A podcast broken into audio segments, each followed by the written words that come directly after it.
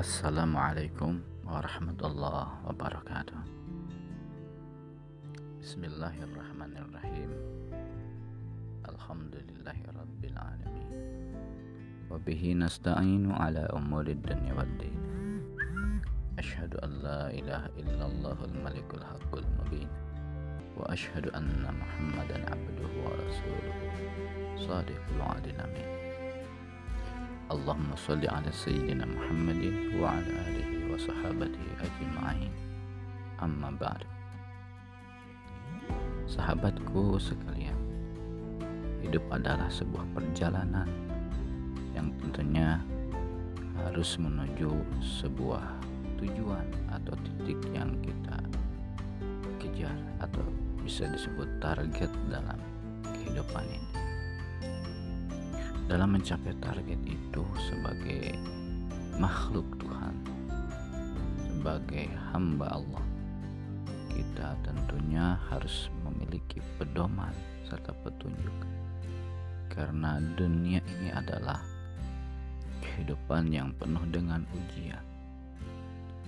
Jika kita tidak memiliki panduan, kemungkinan besar kita akan mengalami kehidupan yang disebut kehidupan yang tersesat. Ketika kita sudah tersesat, apa pun yang kita lakukan akan menjadi sesuatu yang membuat kita merasa bersedih, merasa susah, atau merasa tersiksa. Tapi kalau kita sudah memiliki panduan, pedoman, atau petunjuk, apa pun yang kita lakukan tentunya akan selalu mengarah kepada target dan tujuan di awal tadi. Banyak dari orang, banyak dari manusia yang lupa atau bahkan tidak tahu akan keberadaan hidupnya di dunia ini. Mereka terlena dengan tipuan-tipuan dunia. Mereka terpesona dengan fata morgana atau hiasan-hiasan dunia itu. Untuk tahap awal atau untuk pemula atau untuk orang yang sedang mencari jati diri itu adalah hal yang biasa yang tentunya akan selalu dialami oleh setiap orang. Sekalipun orang itu adalah orang yang betul-betul memahami kehidupan ini mungkin sebelumnya proses panjang dia jalani sehingga sampai pada titik di mana dia memahami tentang arti hidup ini apa pun yang kita alami, apa pun yang terjadi, kita yakini semuanya adalah rencana dari Allah Subhanahu wa taala. Tidak ada kehidupan yang Allah ciptakan kecuali untuk kebaikan kita sendiri. Karena Allah adalah Maha mencinta apalagi kepada makhluknya manusia yang diciptakan yang di dititipkan sebagai khalifah di muka bumi ini. Tentunya Allah memberikan nilai lebih daripada makhluk-makhluk yang lain. Kita yakini saja kita jalani saja kehidupan ini sebagai bagian dari pengabdian kita kepada Allah. Sebagai bagian dari rasa syukur kita telah dijadikan sebagai sosok makhluk yang istimewa di hadapan Allah Subhanahu wa taala penila kehidupan kita ini dengan rasa cinta, dengan rasa kasih sayang, dengan rasa saling membantu, dengan saling menolong insya Allah. Apa pun yang terjadi, ujian seberat apa pun, kalau kita sudah memiliki rasa kasih sayang di antara kita semua, akan bisa kita lewati. Di dunia ini, ada dua hal yang membuat kita terjauh dari kasih sayang atau terjauh dari petunjuk Allah Subhanahu wa taala. Yang senantiasa diulang-ulang dalam kitab suci Al-Qur'an bahwa kita akan selalu diuji dengan rasa takut dan rasa kecewa. Ketakutan itu datang ketika kita takut kehilangan sesuatu yang telah kita miliki dan kecewa itu akan datang ketika sesuatu yang kita inginkan tidak dapat kita capai. Maka Allah Subhanahu wa taala menjanjikan kepada setiap orang yang telah dekat dengannya mendapatkan ciri atau alamat atau tanda bahwa bagi mereka yang sudah memahami kehidupan, sudah mengenal Allah, sudah dekat dengannya, maka bagi mereka tidak akan ada rasa takut dan bagi mereka tidak akan merasa kecewa. Dalam dalam kesempatan ini saya juga coba memberikan uh, sebuah pandangan lain, sudut pandang lain yang mungkin bagi sebagian orang sudah memiliki pemahaman lebih jauh, tapi minimal pada kesempatan ini saya hanya membagikan apa yang saya rasakan. Bahwa ketakutan itu haruslah dihilangkan dari hati atau jiwa kita. Begitupun kekecewaan. Karena takut dan kecewa itu adalah sebuah perasaan atau sebuah sikap yang tidak beralasan. Karena ketakutan, kalau kita merasa takut kehilangan sesuatu, tapi kalau kita menyadari bahwa sesuatu itu adalah bukan milik kita, tentunya kita tidak akan merasa takut. Sering diumpamakan sebagai ketakutan itu ketika kita memiliki uang banyak, takut hilang uang banyak, takut habis. Semakin banyak kita merasa memiliki, semakin banyak rasa ketakutan. Kita boleh mengambil contoh seseorang yang yang dititipi sesuatu oleh teman. Ketika barang tersebut tidak merasa dia yang memiliki, ketika diambil oleh yang memilikinya atau pemiliknya, tentunya kita tidak merasa kecewa kita tidak merasa atau tidak memiliki rasa memiliki terhadap barang tersebut. Tapi sebaliknya, kalau kita menganggap barang yang dititipkan itu adalah milik kita, maka kita sangat ketakutan ketika diambil lagi oleh pemiliknya.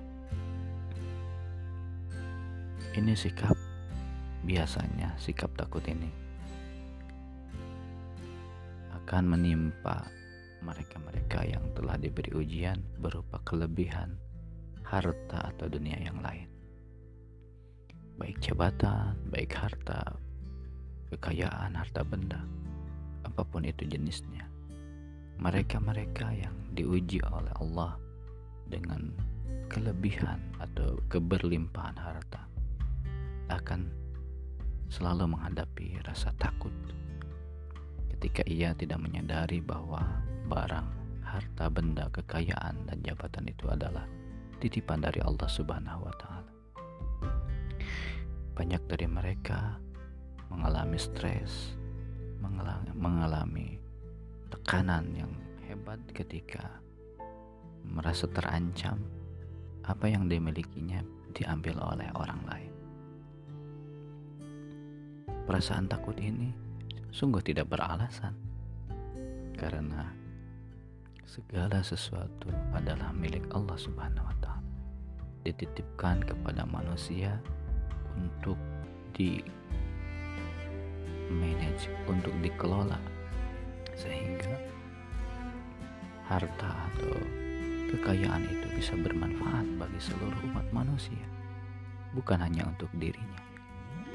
Karena kebutuhan dirinya telah ditanggung oleh Allah Subhanahu wa taala, oleh Tuhan pencipta yang mengetahui apa yang kita butuhkan, yang mengetahui apa yang terbaik buat kita, yang mengetahui apa yang akan mendapat menjadikan kebahagiaan bagi kita.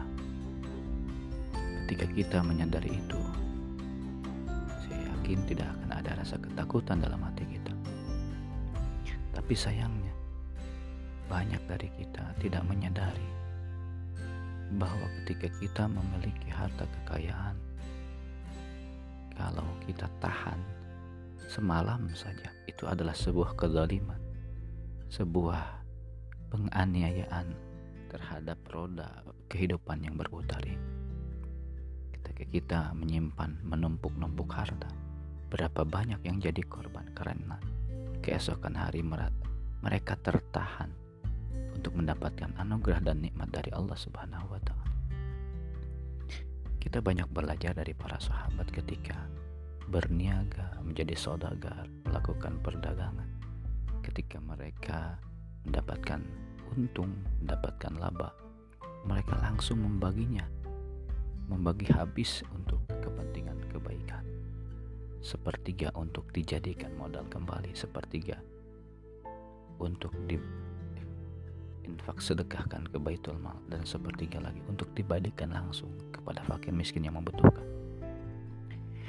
Bahkan ada sebagian lagi yang sepersepuluhnya, ada sebagian lagi yang setengahnya. Intinya mereka menyadari itu adalah titipan yang akan bermanfaat ketika titipan itu disalurkan kepada mereka yang berhak dan yang membutuhkan. Sehingga agama atau syariat memberikan batas minimal untuk mengeluarkan harta yang telah kita hasilkan dari pekerjaan kita pekerjaan yang baik yaitu dua setengah persen itu adalah nilai yang menurut hemat saya sangatlah kecil dibandingkan dengan yang kita dapatkan dari Allah Subhanahu wa taala. Apalah artinya uang bertriliun bermiliar-miliar, berjuta-juta. Kalau kita kehilangan apa yang dianugerahkan Allah berupa badan yang sehat, waktu yang luas, keluarga yang baik, keluarga yang harmonis, teman-teman yang saling membantu, saling mengasihi, tetangga yang baik, pemerintah, rakyat yang harmonis. Itulah tujuan kehidupan kita. Karena sebesar apa pun harta yang kita miliki, kalau kita tidak merasa bahagia dengan harta itu, itulah pekerjaan yang sia-sia. Maka dari itu ketakutan ini harus segera dihilangkan pada mereka yang merasa dititipi oleh Allah Subhanahu wa taala, merasa dititipi Tuhan dengan kelebihan, keberlimpahan harta kekayaan dan kelebihan titipan berupa pangkat dan jabatan. Bagi para pemimpin, janganlah ketakutan kehilangan kepemimpinannya. Karena hakikat pemimpin bukan hanya saja jabatan, tapi pemimpin adalah ketika dia dapat menunjukkan kepada hal yang baik. Yang kedua, yang perlu kita hindari dalam hati kita adalah rasa kecewa. Rasa kecewa ini biasanya didorong oleh perasaan yang senantiasa mengharapkan lebih dari apa yang dia dapatkan. Perasaan ini biasa menimpa atau biasa dirasakan bagi mereka yang boleh dikatakan dalam status sosial merupakan orang miskin. Orang miskin banyak kecewa kalau di hatinya terlalu banyak berharap. Barangkali untuk pembahasan rasa kecewa nanti saya sambung dengan podcast yang akan datang di lain kali mudah-mudahan Allah memberikan waktu dan kesempatan juga kesehatan semoga sahabat-sahabat sekalian dapat senantiasa dekat dengan Allah dengan menyadari bahwa segala sesuatu adalah merupakan kekuasaan dari Allah Subhanahu wa taala. Wassalamualaikum warahmatullahi wabarakatuh.